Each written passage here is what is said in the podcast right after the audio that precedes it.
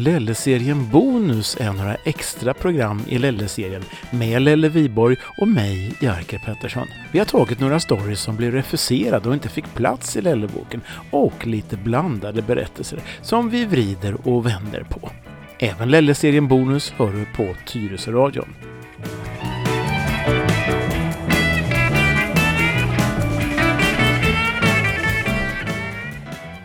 Då rullar vi igång avsnitt nummer 22 av Lelle-serien. Välkommen Lelle! Tack så mycket. Ja, förra gången så var vi på porrklubb. Ja, nu, nu ska vi inte gå på några mera, flera porrklubbar. Vi är klara med det. Ja, vad ska vi ta vägen idag då? Ja, idag ska vi ut och åka, eh, inte så långt, men jag tänkte berätta en liten grej om hur illa det kan gå när man är snål.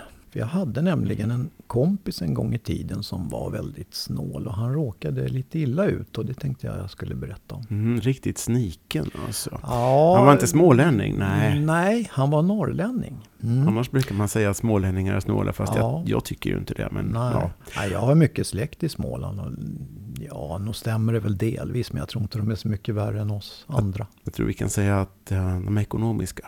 Så kan det vara. Mm. I alla fall den här norrlänningen, han eh, hade flyttat hit ifrån Norrland, han och hans hustru. Och han gick under det föga smickrande smeknamnet Blandfärsen. Blandfärsen. Ja. Och när jag frågade varför han kallades så, så sa hans fru och skrattade rått att det är jag som har döpt honom till det. Han är hälften nöt och hälften svin. Det låter som ett kärleksfullt förhållande. Ja, precis. Det var, det var nog inte så illa menat som det lät. Men De kanske hade humor kan vi säga. ja, så är det. De hyrde, i all- eller i alla fall, de köpte ett litet ställe ute på Tyresö. och Där bodde de. Och vi hade ett gemensamt intresse han och jag och det var det här med gamla mopeder. Han hade en gammal italiensk moppe. Väldigt ovanlig modell. Eh, Märket hette Malanka. Malanka som moped har jag aldrig hört talas Nej, om. Alltså. det är en italiensk moppe.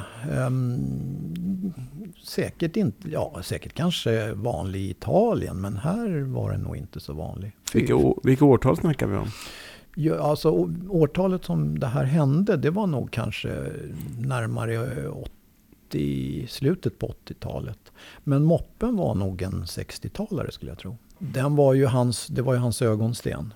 Han hade haft den där i många herrans år. Utmärkt skick, förutom tanken. Tanken var en, en del på den här moppen som var utom all räddning. Den var liksom bucklig och rostig och sne och vind på alla möjliga.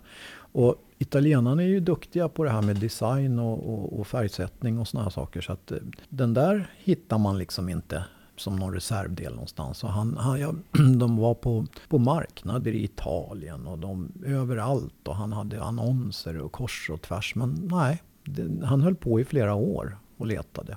Och det där var hans stora tagg i hjärtat. Liksom, att han, han hade verkligen velat haft en ny tank till sin, eller en bättre begagnad, till sin Malanka. Men eh, det gick ju inget vidare.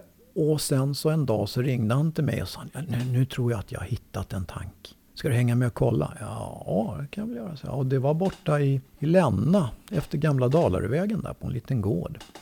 Jag sa till honom också det att vad, vad kostar den här? Det vet jag inte, sa han, men den, den, den, är nog inte så dyr. Och då blev jag lite orolig och tänkte att mm, inte så dyr säger han. Då, då undrar jag, ja, Mm, och de undrar vilken härad de rörde sig. Ja, va? exakt. Men, men eh, hur det nu än var så, så landade vi på den där gården då. Det var en äldre gubbe som kom ut med ett paket i famnen. Och, och han, det var en, alltså en riktigt bister gubbe. Det var ingen sån där som tog i hand och hälsade och presenterade sig. Utan han, han höll upp den här, det här paketet och sa, här är den. Så vecklade han ut det där. Det var sånt här vaxat brunt papper då på den. Och där i så låg det ju en sprutt spruttans ny tank till en sån här Malanka. Med eh, ränder och med rätt färg. Jag- tror att alla Malanka, åtminstone den här modellen, de var röda tror jag. Röda med silverfärgade ränder. Det var ju vanligt på italienska. Det är väl någon sån där arv efter Ferrari-historien, jag vet inte. Racing. Och Blandis han, han fick ju nästan tårar i ögonen när han fick syn på den där. Och han hade ju letat i åratal efter en sån tank. Så att han, han gick ju verkligen igång. Så frågade han ju då den obligatoriska frågan, vad kostar den? Och jag höll andan och tänkte att hoppas han inte nu. För det syntes att den här gubben, det, han var inte någon... Ja, 3000 spänn sa gubben. Det här är ju ett bra tag sedan så att det var ju mycket pengar. Och då säger blandfärsen, tar du 1500 snabb affär? Mm. Aj, aj, aj. Mm, precis. Då förstod jag vad klockan var slagen. Så då tar gubben tanken, så mm. vecklar han av pappret och så lägger han den på marken och så hoppar han på den. En gång, två gånger, tre gånger. Till slut så var den ju platt som en pankis. Den påminde om en ölburk liksom som man brukar se. I ren ilska på något sätt förstör ja. han tanken. Ja, och så sa han till Blandis där. Nu kan du få den för en 50-lapp. Oh. Och sen så vände han på klacken och så gick han in bara. Och det var inte mer med det. Vad hade och, Blandis för, för ansiktsuttryck då? Blandis grät. Han ja. grät stora krokodiltårar. De flyttade tillbaka till Norrland sen. Och mig veteligen så har han fortfarande inte hittat någon tank. Men var... om han nu skulle göra det så tror jag inte att han tänker pruta någon mer gång. Verkar inte vara läge för det. I alla fall inte mot den personen som i det här fallet mm. skulle sälja tanken. Mm. Blandis, han bedömde helt fel med andra ord. Ja, han, han gjorde det.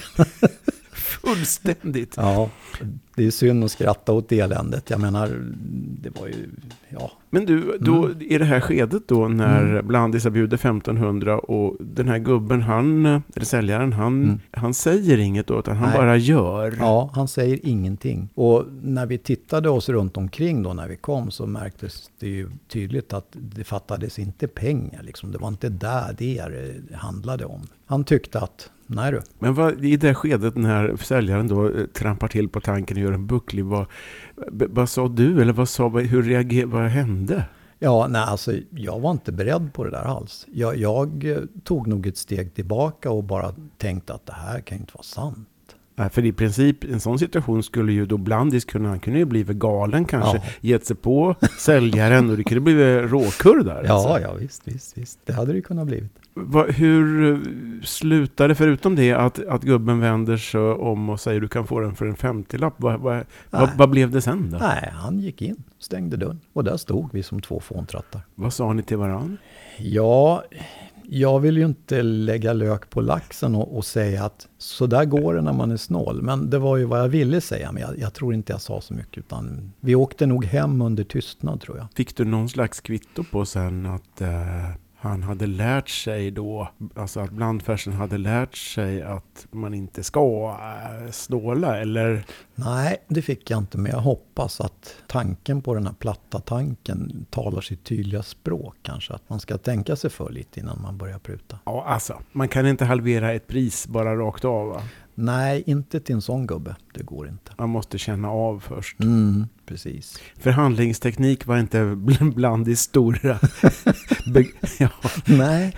grej i livet då? Nej, precis. Det var det inte. Hans fru, hade hon någon kommentar sen? Ja, hon sa att ja, men det var väl typiskt, sa hon. Det var så det var? Ja, det var nog det vi, han och jag umgicks ju inte på det sättet utan vi, vi träffades och höll på med lite moppar och grejer sådär. Så att jag var väl inte riktigt insatt i hans sätt att vara så att säga som hans fru då. Hon hade väl sett mer utav det. Och Malankan har förmodligen då fortfarande en bucklig tank? Det antar jag. För det lär ju inte bli så fler Malanka-tankar i världen med tiden, gissar det lär, jag. Nej, det lär det nog inte bli. Utan det skrotas nog ut en hel del sådana där moppar och försvinner. Och så. så jag, jag har aldrig sett någon just sån där moppe, varken förr eller senare måste jag erkänna. Så kan det gå. Så kan det gå. När snålheten bedrar visheten, ja, säger man va? precis. Kan det bli så. Och så gick det för Blandis. Så gick det för Blandis. Hälften nöt, hälften svin, enligt frun. så är det. Så är det. Mm.